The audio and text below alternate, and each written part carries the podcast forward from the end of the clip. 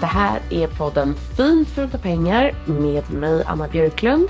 Och med mig Isabella Löwengrip. Och den här veckan så frågar vi oss om skulle Linda Skugga mått bättre på 1800-talet egentligen? Och är det så här att hon kanske släpper en bok? Är staden dödad av alla rädda människor som går runt överallt? Och hur beter sig den här fina adeln på Instagram egentligen? För nu är de där.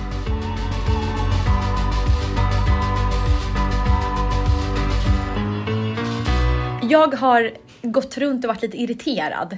Mhm. Vad är det nu då? Jag har varit irriterad på Max Tegmark. jag trodde det var din, eh, din bästa vän. Eller i alla fall, i alla fall så fick han ju över dig till den goda sidan eh, typ förra avsnittet, var det inte så?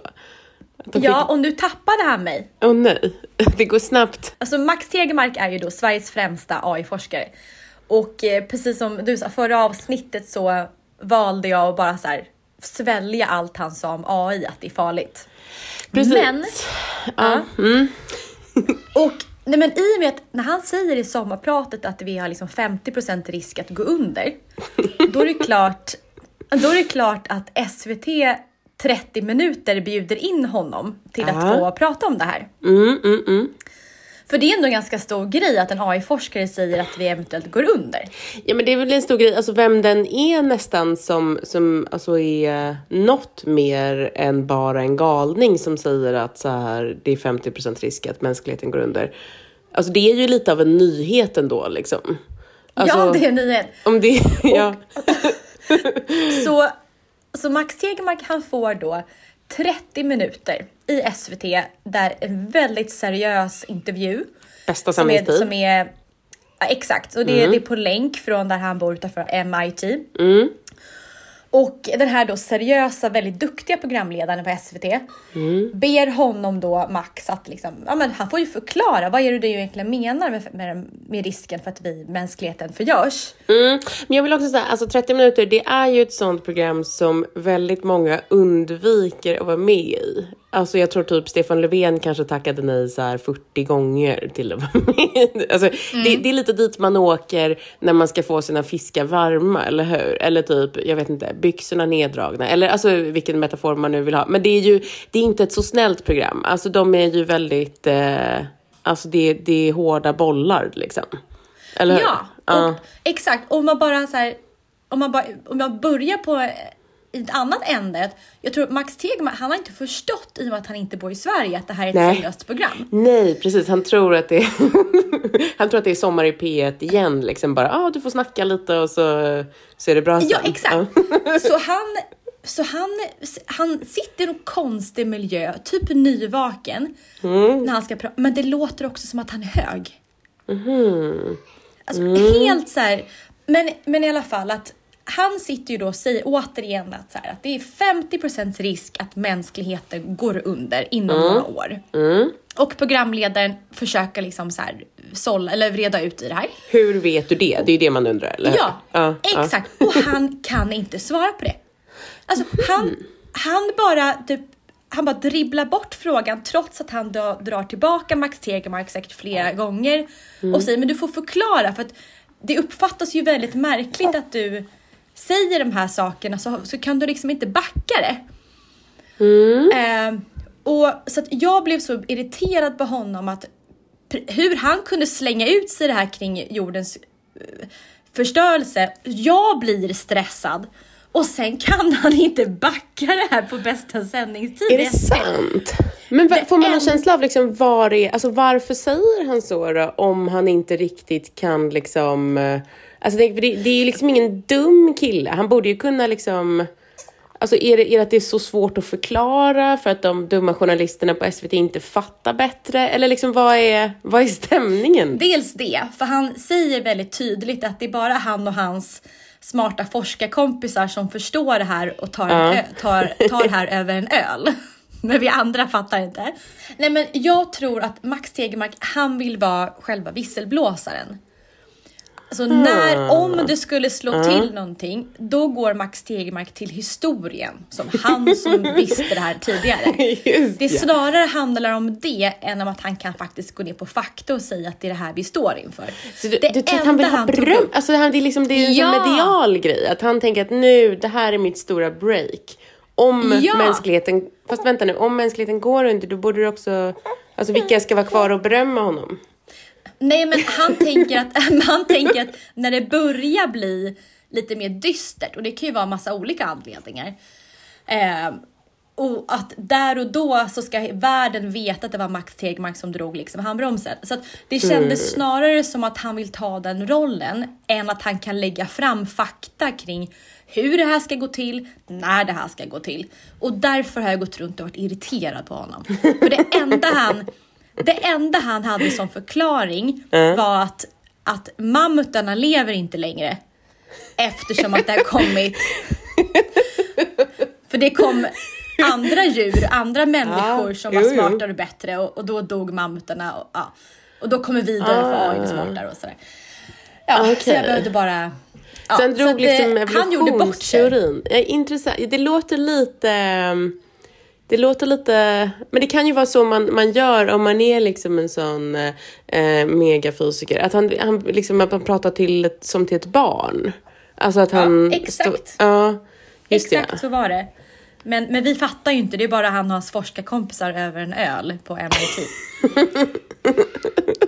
Det ska jag börja säga när jag blir motsagd. Att det, Ja. Du förstår inte, men jag och mina kompisar över en öl, vi, Vi vi fattar. fattar. Ja. Du, eh, Isabella, ska vi prata lite om Linda Skugge? Eftersom ingen annan gör det. Nej, precis. ja, men det måste vi göra. Det här är en debatt som inte verkar landa i någonting. Nej, jag vet, precis. Alltså det, det är den typen av kulturdebatt där det går liksom 100-100 varv väldigt snabbt. Så det blir liksom väldigt så här. Det känns som att alla försöker leta sin position och ta liksom sin vinkel på den här händelsen. Att det, liksom, det blir ganska snabbt liksom känslan av Ah, gegga bara. För att man märker då också att de flesta människor står ju helt utanför det här och förstår inte alls. Linda Skugge, varför bryr ni er om henne? Liksom. Någon som skrev roliga krönikor i Expressen för 15 år sedan. Ja, okej. Eh, Mm, så. Grejen är då, det vet kanske de som lyssnar på den här podden, då, att hon har skaffat Onlyfans. Den här då sociala medier-halliken. Som en tjänst som gör att folk kan sälja sexuella tjänster liksom privatpersoner emellan. Eller ja, digitala sexuella tjänster. Det är mer så. Exakt, bilder och filmer. Mm, precis, och man kan typ eh, betala lite extra för att få någon att göra något extra sjukt och sådär. Det är ett fint litet system liksom. Precis, för hela det här med YouPorn och alla de här sidorna, det känns som att det är ute. Det, det måste vara mycket mer influencer, alltså mycket mer personligt. Precis. det man kan- klassiska lägga upp klipp, exakt, Ja. det, är inte, det håller inte längre. Nej, precis, utan det ska vara liksom så. Man kan, ja, precis, man kan få en personlig hälsning, eller- hälsning eller något, något, något, liksom, något extra eh, stört som just jag vill ha från den här kvinnan eller bögen som det ofta är då. Jag tror anledningen att en massa människor som skriver i tidningar haft åsikter om det här, liksom väldigt snabbt kunnat dra fram väldigt stora och starka åsikter och så, tror jag är för att det ligger ganska nära till hands för dem. Du, men, du menar att det är nära i alla i kulturvärlden? Ja, precis. Alltså jag fick själv faktiskt en liten så här ilning av ångest när jag läste om det. Nej, snart är det min tur! ja, ja, men min redaktör och jag skojade om det. Att han, han bara, ja, ja, vilken tur att man har ett dayjob som man liksom Eh, och, och jag känner såhär, ja, det- alltså du, du har ju inte fel att du kommer ju inte gå i koppel på Instagram. Han går genom mitt huvud då. Inte bara för att du är straight och man, utan för att du inte är frilansare. Ehm, Och då menar jag inte så att jag kommer att göra det. Men när man är frilansare, man tränas ju i ett, så här, ett sätt att tänka eh, som är att hela tiden gå just dit efterfrågan finns. Eller hur? Mm. Så du menar att man är liksom tränad för att söka sig till Ja, nya, så till slut blir alla Alltså- horor. nya plattformar där man kan eh, Ja, alltså visa, visa vad man går för? Lite så, eller hur? Alltså, eh, jag träffade så här en annan känd entreprenör eh, faktiskt som, som, och så pratade vi om, om något projekt som han höll på med. Och då, och då, då berömde han mig när vi pratade. Han sa så här, han bara, ah, men du tänker som en entreprenör. Du, du undrar liksom alltid var pengarna finns och rör dig åt det hållet. Eh, Och jag bara ja, och han tyckte då det, det var någonting bra. Att det, men, men det är också det sättet att tänka eh, som Som gör dig som rädd? gör att man säljer sin kropp, ja precis. Eller bilder på sin kropp, eller vad nu Linda gör, jag vet inte exakt. Men, men, men gravidbilder brukar ju vara jättepopulära. Så Mm. du skulle kunna ha en sån nisch. Perfekt. Du har redan... Exakt, du, du ser det framför dig. Anna Björklund, Ja, Onlyfans. Nej, men jag läste en, eh, en krönika av Åsa Linderborg Mm. och hon tar upp det som du har eh, tagit upp just att att i, i kulturvärlden, att det, är, det ligger så nära att det är därför liksom vad säger man, att, att man måste trycka bort sig från henne, Ja, att hon inte är just det, välkommen just det. i vårt gäng. Ja. Att, att det blir så starkt just Mm. för rädslan för sin egen väg.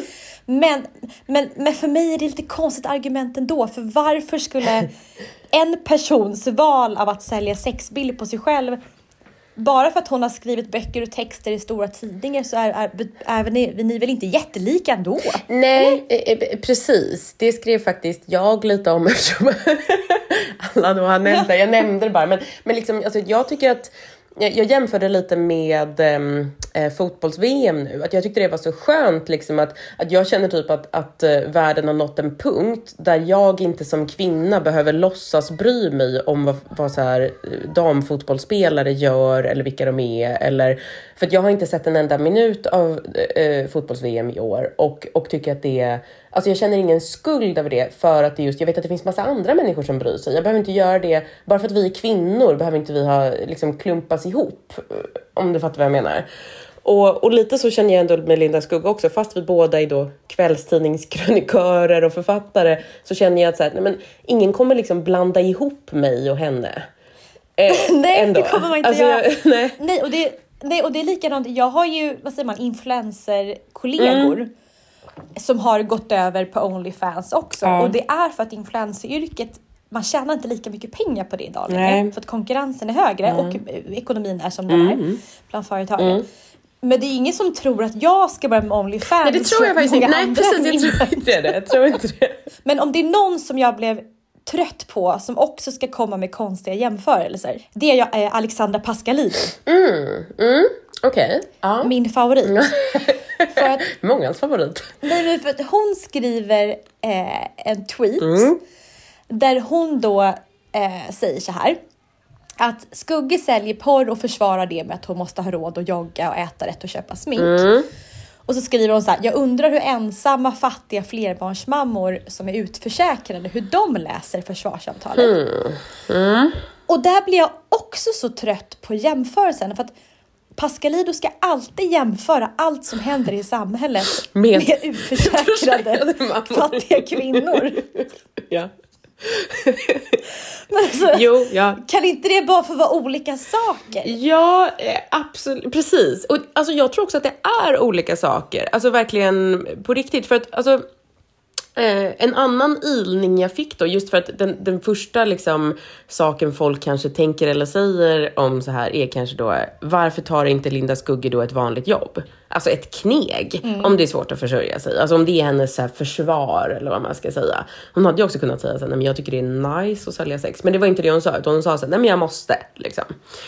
Och, ehm, och då tänkte jag så här, jag är inte säker på att hon kan ta ett vanligt jobb. Eller ett kneg, eller så liksom. Och då, hon kanske säger så att det har med hennes sjukdom att göra, för hon har någon så här, um, Addisons heter det, det är så typ som hypotyreos eller någonting. Men, men, ehm, eh, men jag tror inte att det är bara det, jag tror att det har lite med personlighetstyp att göra också. Och, och jag skulle säga att, att eh, vårt samhälle är inte så snällt mot den typen av personlighet.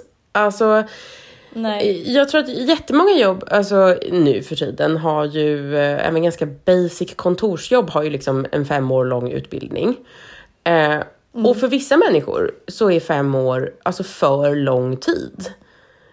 Och, och jättemånga jobb kan också eh, liksom vara en fråga om att ligga jävligt lågt och göra samma grej i flera år.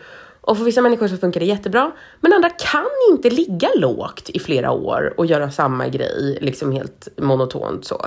Och då kan man kalla dem så här, ja men du och jag har ju pratat om kanske entreprenörstyper eller liksom konstnärstyper, vi kanske skulle säga så här ADHD-typer, eller jag vet inte vad man, vad man ska kalla dem, men men, men det, det är ganska många som tycker att det är jättesvårt. Det som är liksom det lättaste och mest naturliga för andra. Alltså, och, och, och när man läser liksom om eh, typ hur jobb fungerade för inte så länge sedan, alltså kanske för så här 100 eller ja, 200 år sedan, så var det ju mycket mer en Linda Skugge-anpassad ekonomi, skulle jag säga. Alltså, Absolut. ja, men jag, kan- jag kan ju liksom bli avundsjuk när jag, när jag eh, läser om hur en 1800-talsdräng har det. Inte på alla sätt, men, men på vissa sätt. Att man, man liksom, ja, men en vecka så slår man hö och så gör man det och så liksom... Och så får du pengar direkt i Ja, handen. precis! Och så liksom Ja. nästa grej, man tar lite påhugg. Belöningen är nära jobbet. Ja, precis. Man, projektanställningar, liksom. man tar lite påhugg här och där. så här. Och på vintern, ja men då är det en annan grej, då, då kanske man går och drar lite, då, då binder man lite borstar och säljer eller tillverkar en eh, kvast, jag vet inte. Man, man, ja, jag läste så om tidiga gårdfarihandlare eh, som var bönder kanske, men, men när det inte var säsong att vara bonde, när det, liksom, då, då tillverkade de en massa trätallrikar som de åkte runt och sålde på vintern och våren och sådär. Alltså så, så funkar ju jag till exempel. Så funkar ju en frilansekonomi där man just, ja men man hoppar lite från tuva till tuva och det är lite otryggt men det är också ganska så här, vad ska man säga? Det, för mig är det typ det som funkar. Men jag har en, eh, jag har en spaning. Mm. Jag tror att det här bara är någon form av PR, eller inte bara, men utöver det hon redan gör så för att tjäna pengar på Onlyfans så ser hon det här också som någon form av, PR inför en kommande bok. Jag lovar. Tror du? Aha. Ja, jag är helt övertygad om. Mm. Jag tror att inom några veckor eller månader då kommer vi få läsa en bok från henne Mm. som handlar om hennes liv, mycket kring sjukdomen, kring träningen, eh, kring form av lite så här fuck you till alla vi som som inte, så här, jag börjar närma mig 50, jag måste få göra vad jag vill. Mm, mm. Eh, alltså mycket som har med, eh, alltså det här blir hennes sätt att ta sig in i på någon form, alltså på någon form av så kulturplattform igen. För att hon har ju Mm. varit lite, men inte så jätteintressant den senaste tiden. Nej, eh, nej, kanske inte. Nej, precis. Och, ehm, och lite sjuk och lite stukad och sådär som man ju kan bli. Och i Ja. den här drängekonomin då så, så är det ju lite jobbigt att vara lite, lite sjuk och lite stukad. Du kanske är rätt, jag vet inte. Men... Jag är övertygad om att det kommer en Ja, bok. men det, det skulle mycket väl kunna vara. Men jag tänker så här, alltså för, för 200 år sedan då var det ju också så att det, det är ganska typiskt att om det gick lite dåligt då och särskilt om man var kvinna, alltså då fick man ju kanske sälja sig också. Alltså att hon är, hon är egentligen i exakt den går igen. ekonomin. Alltså, Ja, för man tänker sig att samhället har förändrats liksom. Och det tror jag att det har. Alltså det har ju det för alla de här, vad ska man säga, normala vettiga människorna som går till sina jobb varje dag, de som inte har typ ADHD, jag vet inte. Jag tänker att de jobbar med typ HR, de har en så här konstig eh, examen som ingen vet vad det betyder, men det gör att de får samma lön varje månad. De, de kan spara lika mycket pengar varje månad, de amorterar som de ska. De kommer aldrig behöva hora liksom. Ehm, och för dem så är livet väldigt annorlunda än för 200 år sedan. Men, men för, för en viss typ så, så kanske det till och med var bättre förr. Jag vet inte. Alltså då hade kanske Linda. Skugge kunnat snida lite trätallrikar i väntan på nästa, nästa grej. Ja. När jag har försökt scanna genom medielandskapet så känns det som att man landar att de flesta hyser väldigt mycket agg kring hennes beteende snarare än de som, det är typ bara Virtanen som har backat henne. Mm. Ja, precis. Och eh, det är väl delar av liksom queer-community. Hon har ju också så här upptäckt Exakt. BDSM. Alltså det går ju väldigt så här... ehm, hon är ju också en sån person som är väldigt intensivt går in i saker. Alltså det är inte så länge sedan som hon var liksom, kom ut som kristdemokrat och liksom var så här, hon gav ut typ en kokbok, hon liksom höll på barnböcker och så här, var väldigt så här, familjär. Och sen så liksom skilde hon sig, träffade en ny kille och då var det liksom bara gym och BDSM. Som, alltså det, hon, hon går ju Mm. in väldigt hårt i saker menar jag. Um, Mm. Hon skulle vara en så bra dräng, att hon har så mycket energi och Ja, men det ingår i drängpersonligheten Ja, ja. för 200 år sedan. precis. Ehm, Det här, vet du tallrikarna som gjordes blev superbra Ja, tallrikar. ja. Hon blev liksom bäst i Vi byn. gjorde 200 asbra och sen bara "Sht, aldrig mer en tallrik utan nu nästa, nu binder vi bara kvastar. Det, det är lite så här, alltså man skulle kunna komma ihåg det här också när man diskuterar privilegier. Alltså jag började tänka på den här, jag kunde inte tänka på den här personlighetstypen. För jag känner ganska många som är så, de har så här, alltså vitt skilda yrken, typ, alltså vitt skilda kanske politiska åsikter och sådär. Men, men ehm, Eh, men när man diskuterar liksom privilegier och sådär, alltså det kanske inte är, för det vill ju folk också göra med Linda Skugga, att så här, men hon är ju känd, så här, ja men man kan vara känd och fattig liksom. Men, men, ehm, ehm, men just att när, när såna här typer då vill eh, undvika att betala skatt till exempel, för ganska många av dem hamnar ju där, ehm, i alla fall av de som kallar sig entreprenörerna då liksom. Eh, när de flyttar till Schweiz då som alla norrmän gjort som vi pratade om i förra avsnittet eller sådär. Alltså då tror jag att det är personer som i livet har varit lite som Linda Skugge. Alltså men mer ekonomiskt framgångsrika då men eh, å andra sidan mindre kända så att ja, det beror på vad man, vilken tallrik man väljer att hålla på med så att säga. Men, men ehm, att det, det är några som då är vana, eftersom de har den här stilen, de är vana vid att själva inte ha någon trygghet. Att, att när det smäller, liksom, de har inte råd att bli sjuka så att säga. När det smäller, då måste de gå iväg och, och lära sig binda kvastar. Liksom. De måste hitta något nytt hela tiden. Eh, och, och kan aldrig luta sig tillbaka mot något välfärdssystem, för de vet att det systemet inte passar dem. Liksom. Och, Nej. och, och, och då, jag tror att eh, alltså, de har själva aldrig tänkt så här, ja, ja, men mår jag dåligt så kan jag väl bara gå till doktorn och bli sjukskriven och så är allting på något sätt, och jag vet inte, ändå eh, tryggt för lilla mig. Ehm, om man själv aldrig har upplevt det, liksom, för att man inte, eh, om man står utanför det på något sätt, varför ska de andra, de här mätta innekatterna liksom, som sitter och jobbar med HR eller vad de nu gör, varför ska de ha det? Alltså, jag, jag, jag känner att jag Ja. förstår um, skatteflyktingarna, vad ska man säga, ADHD-skatteflyktingarna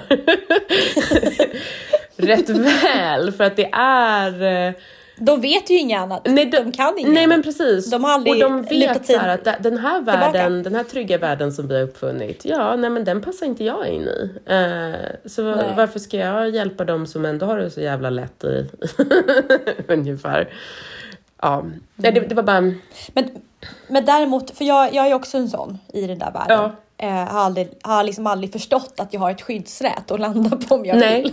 Nej men och på ett sätt har Eh. du ju inte det. Alltså du kan ju inte så här vara sjukskriven i två år och liksom eh, inte lyfta ett finger och sen så här, gå tillbaka till ditt vanliga jobb och då är det liksom, har du lagen på din sida och ingen får, får säga att din lön är lägre eller någonting. Alltså, Nej men absolut. nej. Men, men att då, det är väl lite det som, som är också diskussionen, att, att hamna där, att, då, att man har ont om pengar till att då lägga ut eh, sadistiska bilder, som eller sex eh, sadistiska bilder eh, på en hemsida eller på en plattform. Det, är väl, det är hoppet som det blir Ja. ganska stort. Så. ja. Eh, Men och jag tycker att de här sidorna som man har läst om, de, den lilla sidan tycker att det här är någon form av så här, så här, en 49-årig kvinna ska få göra vad fan hon vill i livet. Alltså lite så. så Ja, här, låt henne vara. Ehm, men den, en annan sida säger ju att det här kan inte vara ett starkt feministiskt beslut i och med att vi lever i en värld där den som betalar har makten. Jag tror det var hon eh, Ja. Nina Rungs som skrev det på sin Ja, Instagram. men jag tror inte Linda, tror Linda Skugge skulle säga att det här var feministiskt av henne. Jag tror hon, har inte hon typ lämnat feminismen? Eller liksom så här bara what? Det, det, det är inte Ja. min... Nej, nej, hon, nej, hon hade nog bara sagt så här, bara, feminism eller inte, jag behöver tjäna pengar. Ja, exa, exakt, ja, ja precis. Man kan hålla på med att ha någon fin ideologi. Ja, det, kan man, det kan man göra när man har råd och typ. Ja, exakt. Tid och råd, då kan man hålla på. Ja, nej men som sagt, jag tycker att man... Eh, jag vet inte. Det, det blir lite för mycket diskussion om den här saken. Hade vi sett att Linda Skugge hade liksom dragit igång någon form av en jättemassa nu av kulturskribenter som, som anmäler sig till Onlyfans, då hade man ju sett det problematiska. Ja, alltså precis. Det är det Men nu är det en Ja, person. Det, precis, det, det finns ingen som kommer så här. Det är inte heller så att hon, att hon ställer sig på liksom prostitutionens sida. Alltså att hon liksom är ett, att folk, någon skulle bli så här, ryckas med och bli inspirerad. Hon är Nej. liksom en dålig feminist för att hon drar alla kvinnor liksom i sank för att hon gör så här. Utan ingen kommer ju påverkas av detta utom Linda Skugge själv, eh, tror jag. Hon kanske kommer att avskräcka en bok. några. Ja precis, och hon kommer blir släppa en bok. skriva en jätterolig roman, för typ ingen kan skriva så roligt som hon när hon är på det humöret. Alltså skriva en Ja. jätterolig bok om det här när hon har dumpat sin tråkiga BDSM-kille och har någon ny grej som hon håller på med då istället och berättar hur fel det var att hon en gång gjorde det här. Och då kommer det vara, ja, jag vet inte, kul för oss alla att Ja. läsa den. Det var ju verkligen ett tecken på också att eh, terminen har börjat och alla kulturredaktioner har kommit tillbaka från semestern. Och eftersom det är, det är strejk i Hollywood och det, det produceras inte så mycket kul och bokhösten kanske är sådär. Så att det, alla var så himla glada att det fanns någonting att, så här, att dra igång ett, liksom ett sånt stort bråk där alla fick vara med. och, och det handlade om liksom sex och pengar och alla kunde Och säga kultur. något. Och, och typ lite kultur. och hur dålig, dåligt det är med internet också, för det älskar också alla i tidningar att skriva om. Så alla blev nöjda.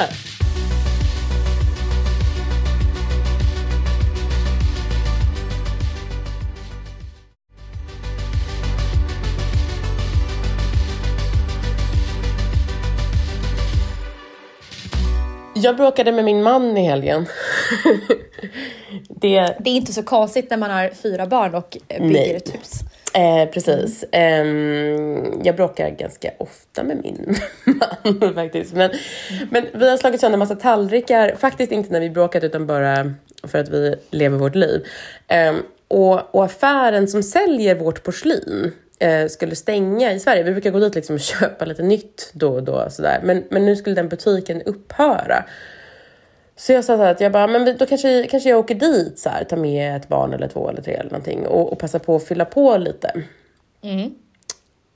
Och då så släppte han min hand, reste sig upp och sa, är du galen? Vet du inte att Sverige är under hot? Ska du ta med något av mina barn till Stockholm city? Aldrig i livet. Och sen gick han därifrån.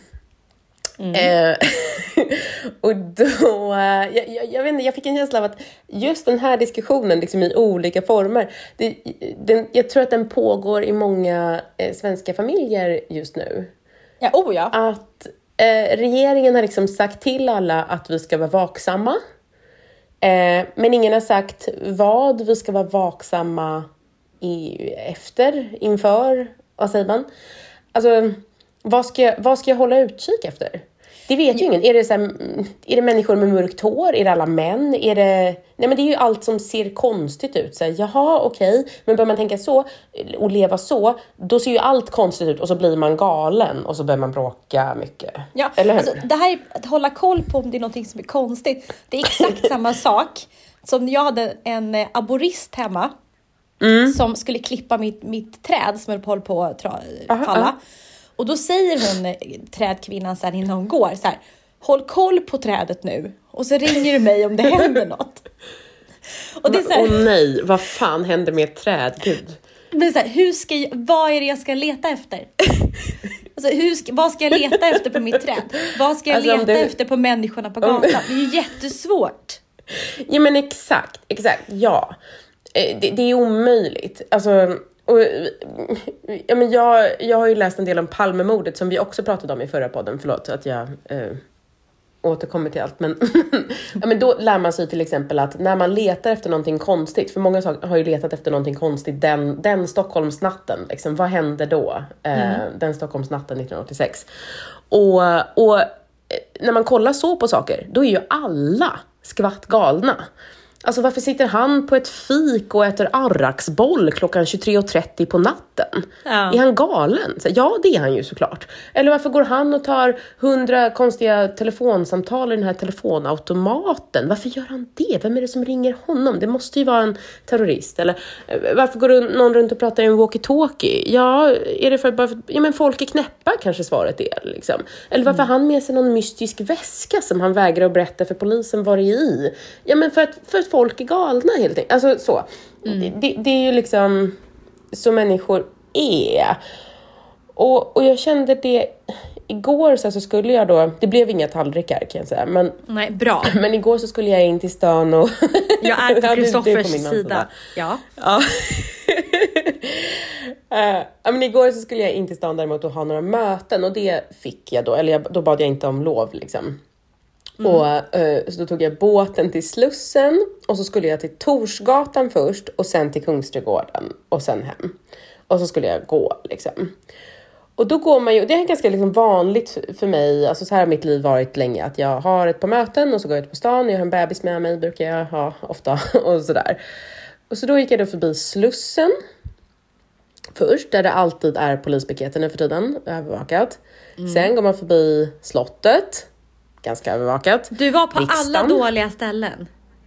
ja, riksdagen. Numera liksom polisövervakning, polis och så terrorhinder som är högre än jag. eh, och sen eh, går man ju förbi Drottninggatan, eh, där det ju skett två terrordåd liksom i Galna människa. närtiden då. Ja. Mm. Sen gick jag utanför Operan då, där ligger ju UD och så, stora avspärrningar överallt, liksom betonglejon på flera små vägar, eh, snutar som åker, alltså ja, så. Sen förbi Stadshuset och Centralstationen, då blir det ju liksom. Sen går man förbi Olof Palmes dödsplats, NK, där Anna Lindh blev mördad. Och sen Du tog en, kom jag en fram till. Kungsträdgården. ja, ja, jag gick genom Stockholms innerstad helt enkelt. Den ser ut så nu för tiden. Och sen stannade jag då vid Kungsträdgården, skulle jag ha min sista grej. Och då satt jag mellan katolska kyrkan och synagogan. Där eh, det då rätt ofta är beväpnade vakter också. Och det är liksom en helt, en helt normal promenad i eh, Stockholms innerstad där man har några ärenden. Eh, och hon jag träffade på ett möte sa att ja, men det är väl en krydda i vardagen. Så, ja, eh, på ett sätt kul och... Nej, jag vet inte. Jag lyckades inte ens framkalla en känsla av att det var liksom kul, utan, utan jag märkte bara att jag gick ganska snabbt. Att jag kunde inte strosa. Alltså jag njöt Nej. inte av det, utan jag, jag blev hela tiden påmind av att det här är inte så eh, bra. Eh, Nej. liksom. Jag tillhör ju den, den gruppen som inte åker in till stan alls. Nej precis, och jag insåg också då att i somras så var det så här en tre veckors period när jag inte var inne i stan alls, vilket är nog det längsta tid det gått alltså, på 15 år i alla fall för mig tror jag. Um, och då är jag, alltså, det, det har hänt någonting. Jag tänkte också att det var lite typiskt att den där porslinsaffären jag skulle till alltså skulle stänga samma helg. Och det var också en barnklädesaffär jag hade tänkt gå till snart, men så har jag inte gjort det. Kanske typ för att jag drar mig lite för att åka in till stan. Och den hade också så här, sin sista öppna dag den helgen. Så, jaha, okej. Och, och jag som ändå är en människa som har älskat stan så mycket, bott mitt, mitt inne i stan. Eh, nu när jag går runt där så ser jag bara en massa människor som är rädda och en massa snut liksom. Och en massa tomma lokaler då, där ingen vill vara eller handla. Jag vet inte. Och det är också så att samma, alltså samma människor som är rädda för, eller var rädda för smitta då för ett år sedan eller två år sedan, nu är de rädda för bomber. Och, och de som var rädda för rånare nyss, nu är de rädda för räntorna och, och, och liksom ekonomin som man ju också märker av på ett helt annat sätt när man bor inne i stan där allting är så himla dyrt. Liksom. Och jag kände bara så här, vad, vad är det som ska hända med städerna? Alltså städerna har inte lätt, kommer de, kommer de vara kvar? Nej men och det är ju, det är ju så här den här, alltså en, en dystopisk bild av en stad. Det är ju så här det börjar med paranoia. Exakt, ja. Det, det, precis, det känns ju som en dystopi. Ja, När, det- När man börjar misstro varandra, man letar efter någonting som man inte vet vad man letar efter. Man befinner sig inte på platserna längre, det ekar tomt. Det här är ju starten på en sån grej och det har inte med AI att göra så Max Tegmark har ju fel igen. Eh, precis, och, och, men, det är också så här, före terrorhoten så var det ju någonting annat. Det är inte som att det är så här, ja, ja, men det här har hållit på ett tag, utan det är ju faktiskt flera år nu där man inte kunnat liksom njuta av det som är stan med Ja. stan. Alltså när det varit eh, svårt att gå på krogen eller svårt att gå på teater eller svårt eller tråkigt att gå på stan för att folk är otrevliga och det är en mm, weird liksom vibe så.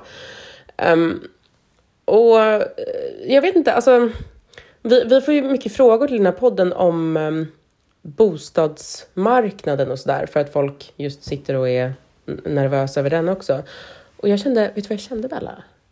Alltså, jag kände ju att jag kanske sålde i rätt tid. Ja, absolut. För det är nu som stan kommer att tömmas på folk. Jag börjar bli en sån här gubbe som nojar mig för, för samhället. För, Ja. när, för när kriget kom med Ukraina, jag köpte den här vevradion, jag fick panik över alla flaskor.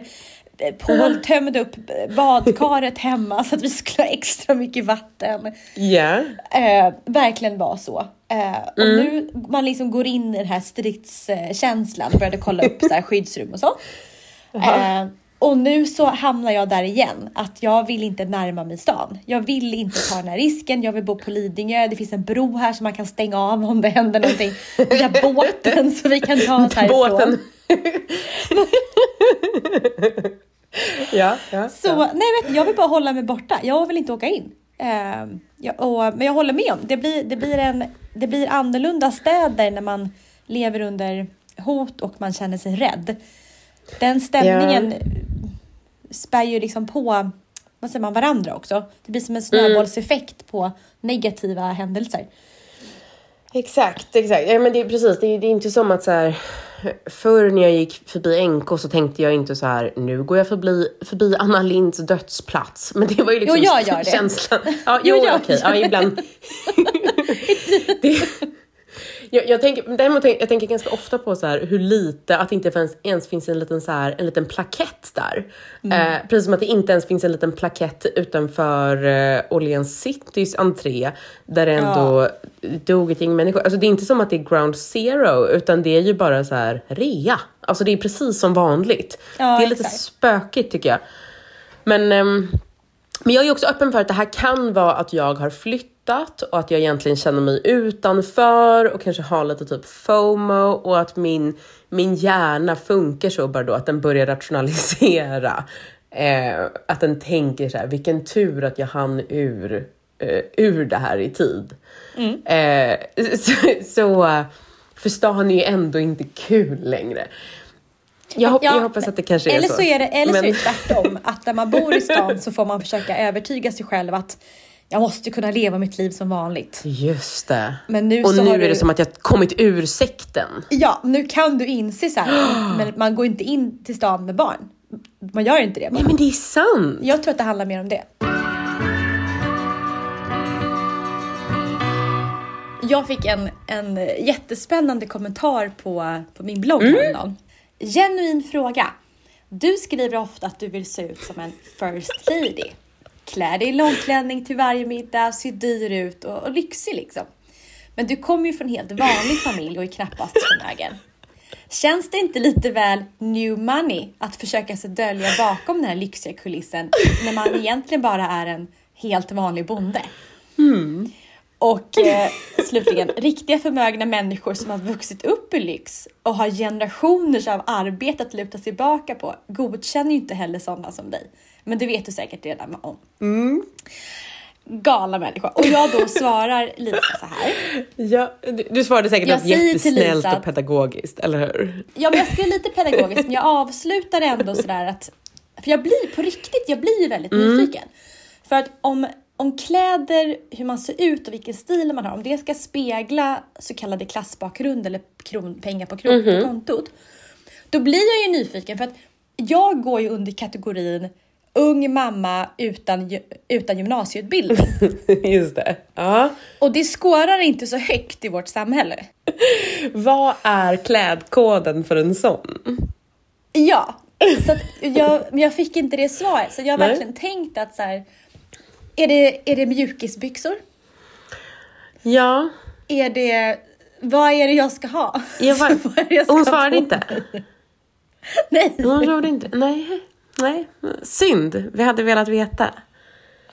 Men jag tror, eller jag vet ju, vad hon menar är ju ändå att när man kommer in i de här eh, finare miljöerna som jag ofta hamnar i och jag tar på mig en silkeskjol eh, och lite dyrare skor så vet folk så här innerst inne att hon har bara köpt de här skorna på Savannas och försökt liksom, kliva in i vår värld men hon kommer aldrig att lyckas. Tror du? Och hon tror det. Ja, hon, Hon tror, tror- det. Ja, ja, Ja, precis. för- Ja, men inte de du möter kom, tror jag Nej, absolut nej. inte det. De, Nej, de tänker ju fy antar- fan vad tjusig. Ja, Eller hur? Nej, men det är så man, exakt. Precis, så att jag känner mig inte det här att man inte är det att man, inte, att, man, att man skulle vara en fake för att man tar på sig en silkeskjol. Nej men, men det, det- är det så här, alltså, det- kan ju vara så att det, att det är det här många tror, att det är liksom någonting som hindrar människor från att så här, våga Alltså jag tänker att den, den här människan som skrev frågan vill säkert själv egentligen jättegärna ha en silkeskjol och lite tjusiga skor och vill bli typ Ja. tagen på allvar, eller hur? Men känner så här, Ja. jag kan inte, jag får inte, jag har inte rätt. Min, min mamma jobbar ju bara med det här eller mitt efternamn är ju bara Andersson och då, eh, eller hur? Det är det det betyder, eller? Ja, exakt. Men hon har nog satt sig någon sån gräns att vi- vissa typ långa Max Mara-klänningar kan man bara ha om man kommer från ett visst ställe och det är jättesorgligt att hon har haft det här inbyggt i hennes huvud. Mm, mm. Och det jag, det jag också skriver är att, jag men hon har ju rätt, jag älskar, jag vill se ut som first lady hela tiden. Men, Ja. men, det, men det, det är inte att det är dyrt. Alltså, som är, ja, flera av mina silkeskjolar som är inte riktigt silke, de är från Naked och från Kappahl har jag en.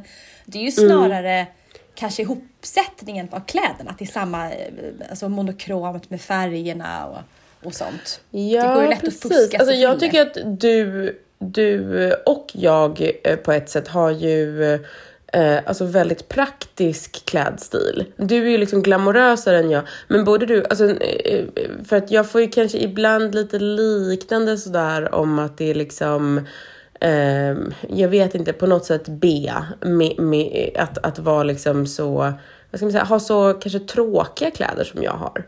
Att jag tror att det där är liksom spännande eller ungefär. Och då vill jag bara säga så här, nej det, det gör jag inte. Um, utan jag klär, alltså jag är verkligen bara så mega, mega praktisk. Alltså det här är så hög, alltså vad ska man säga, så här, eh, det här är vad jag står ut med som estetiskt, som ändå funkar. Det vill säga, ja men jag har jättetråkiga saker på mig. Alltså du har ju också på ett sätt tråkiga saker, alltså du ser väldigt, Ja, gud, ja. ehm, Ja men liksom att Allt allting går i ihop. samma färg. Ja, Allting ja, samma färgskala. Alltså, eh, och, och då ser man ju automatiskt liksom, ja men vad ska man säga, Dyrare ut. lite, dy, lite dyrare precis, ja. Eh, än om, mm, ja. Men, men jag undrar också ofta vad så här, vad skulle jag ha istället liksom?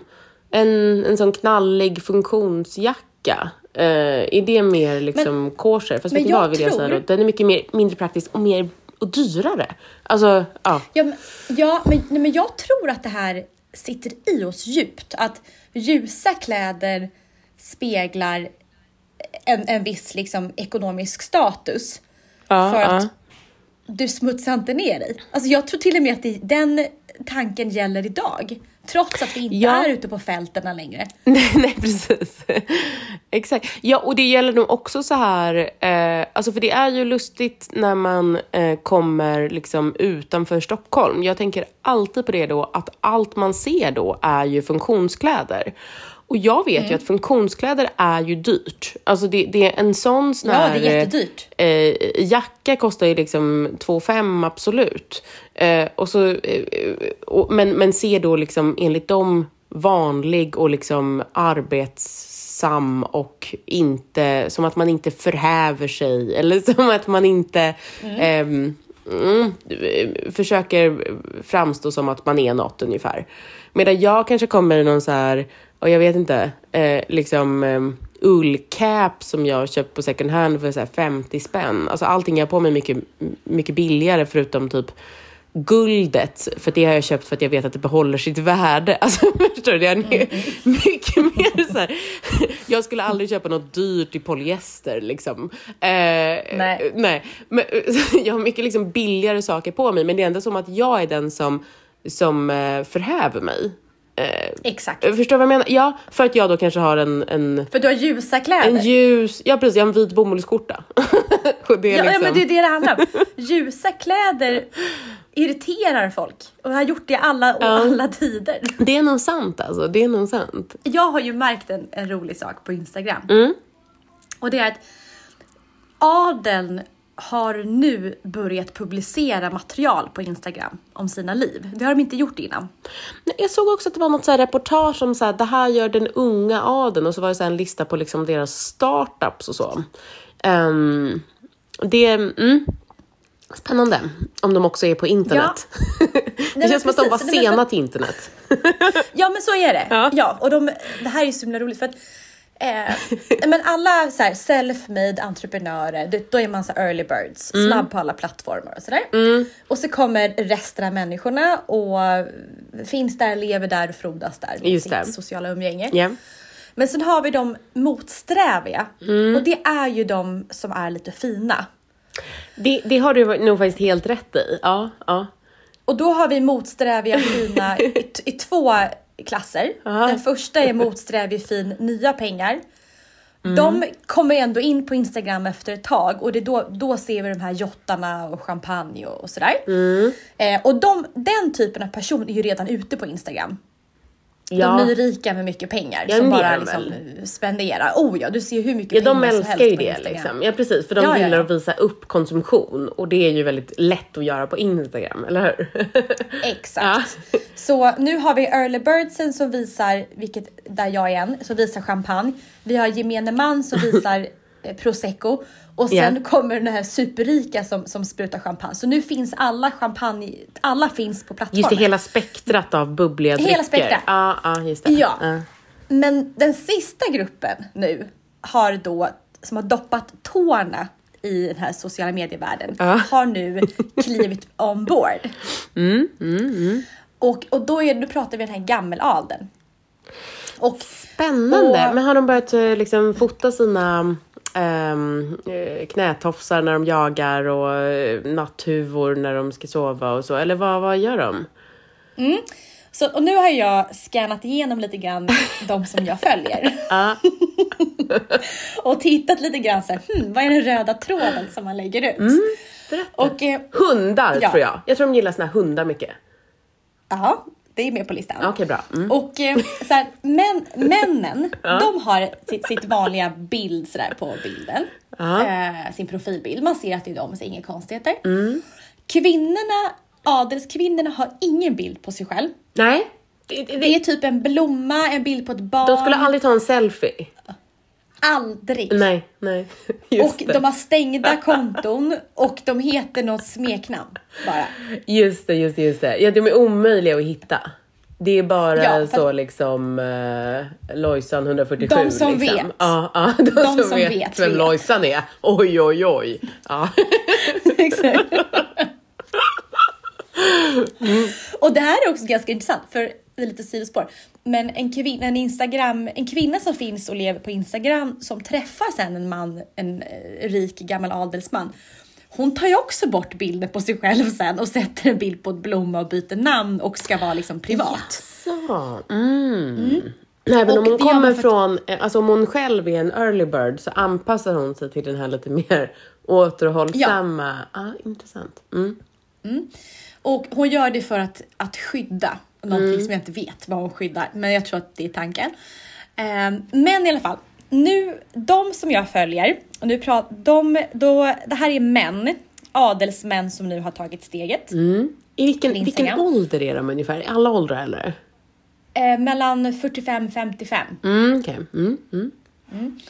Och det vanligaste som man ser, det är att männen lägger upp bilder på sina fruar som har hästar.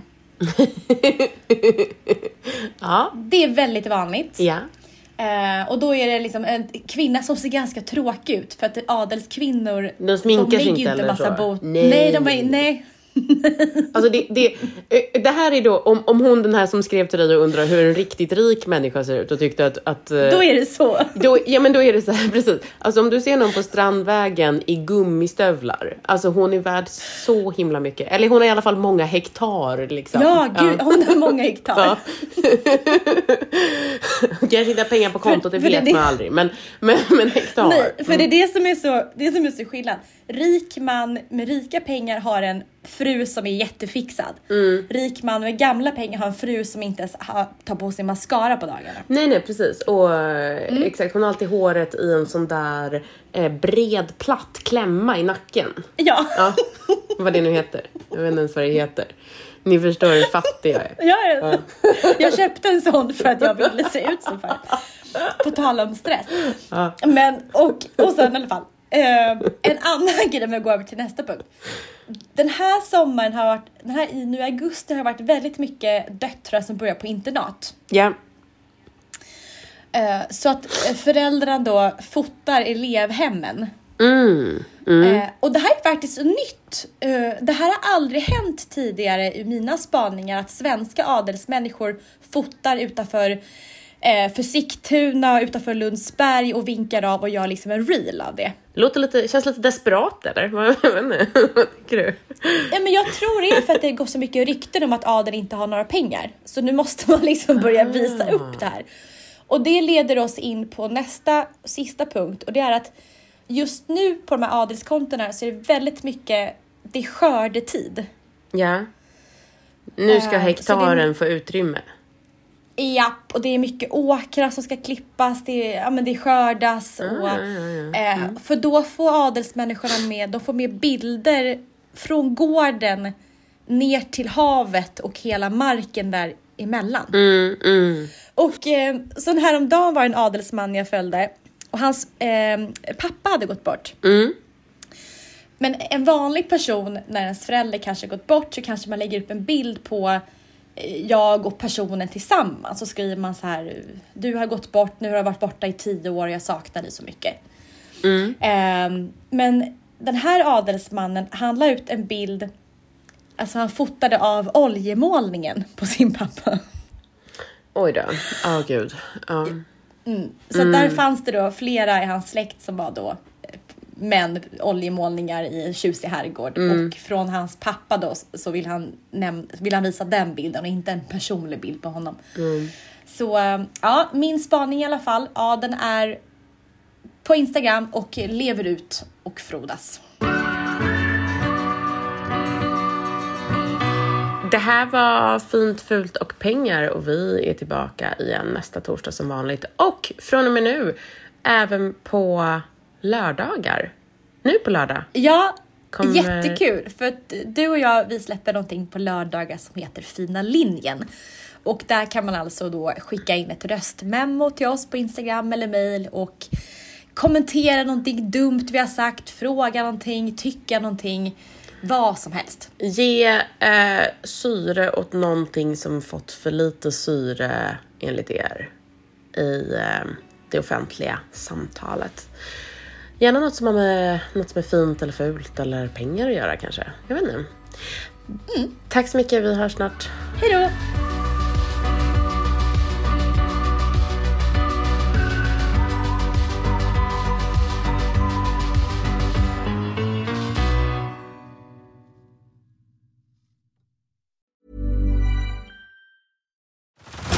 Head over to Hulu this March, where our new shows and movies will keep you streaming all month long. Catch the acclaimed movie All of Us Strangers, starring Paul Mescal and Andrew Scott. Stream the new Hulu original limited series, We Were the Lucky Ones, with Joey King and Logan Lerman. And don't forget about Grey's Anatomy. Every Grey's episode ever is now streaming on Hulu. So, what are you waiting for? Go stream something new on Hulu.